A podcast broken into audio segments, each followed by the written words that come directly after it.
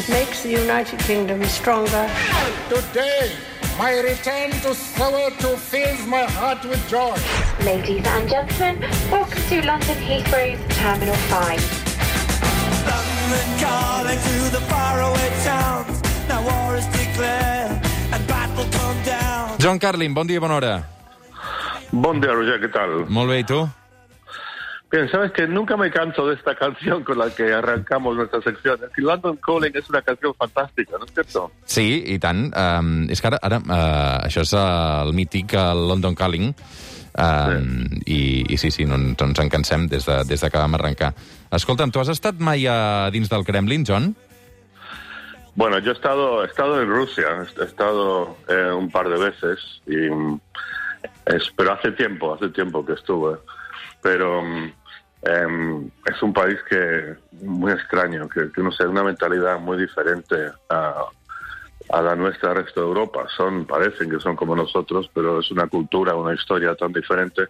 Pero bueno, he estado siguiendo con, con muchísimo interés, leyendo de todo en montones de periódicos lo que está pasando, intentando eh, darle un poco de sentido a lo que está pasando en Ucrania, pero pero pero bueno, es que es, es absolutamente, es, es una neblina permanente, ¿no? Uh -huh. Escolta'm, com descriuries la figura de Vladimir Putin? Ho dic perquè és una persona que desperta admiracions i detractors per, per tots costats. Eh, D'una banda, crec que eh, fascina la ultradreta, però també hi ha sectors de l'esquerra, perquè, per exemple, quan viatja eh, en països Cuba o Venezuela, també li tenen la catifa vermella, no?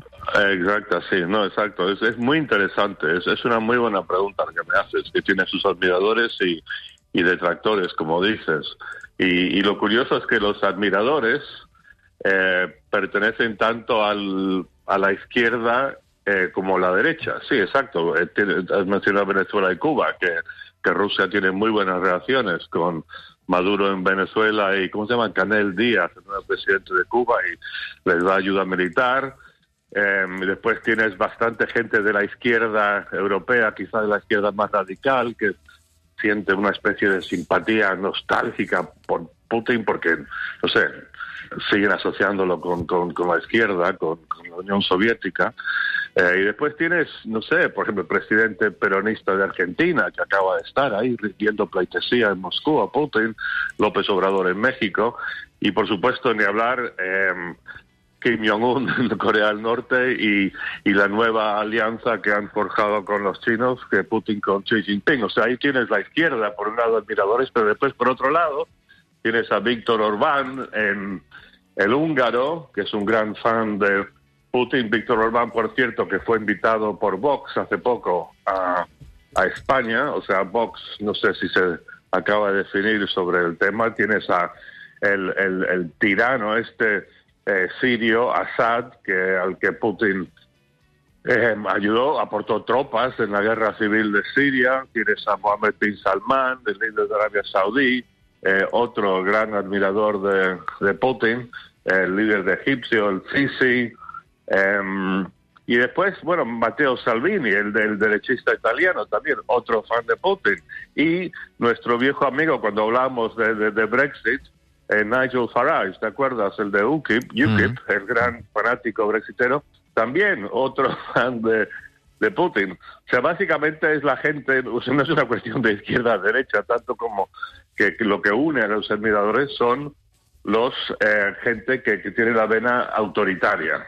Eh, D'alguna manera suposo que també és vist eh, com una mena d'heroi antiimperialista, no?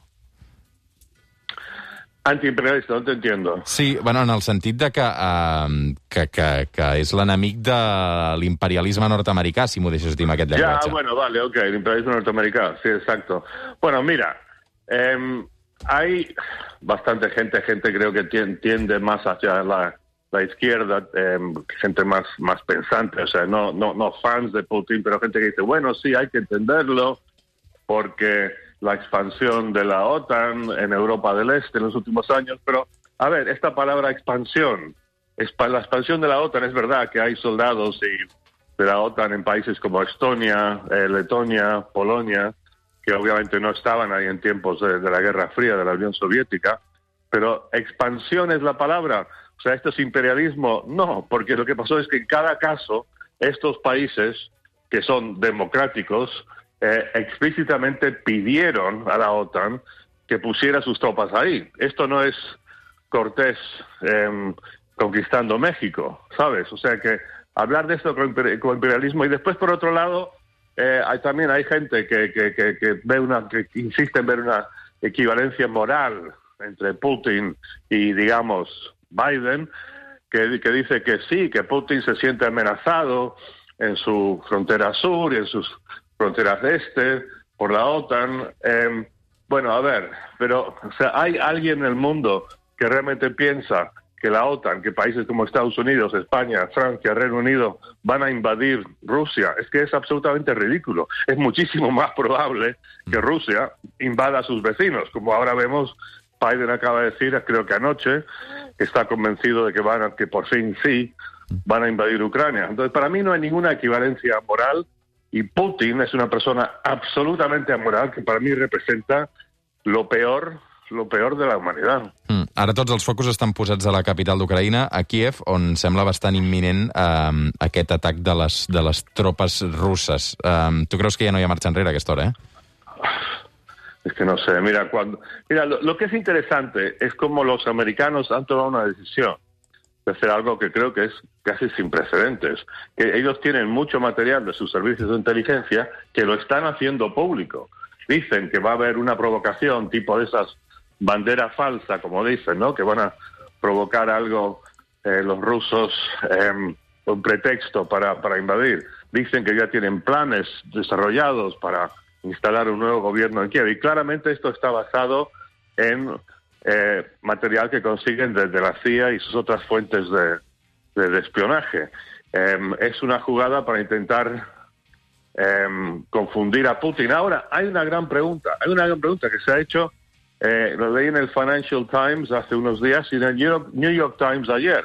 Está la pregunta si Putin es el estratega frío que pensamos que es, o si quizá ha enloquecido. Lleva 22 años en el poder.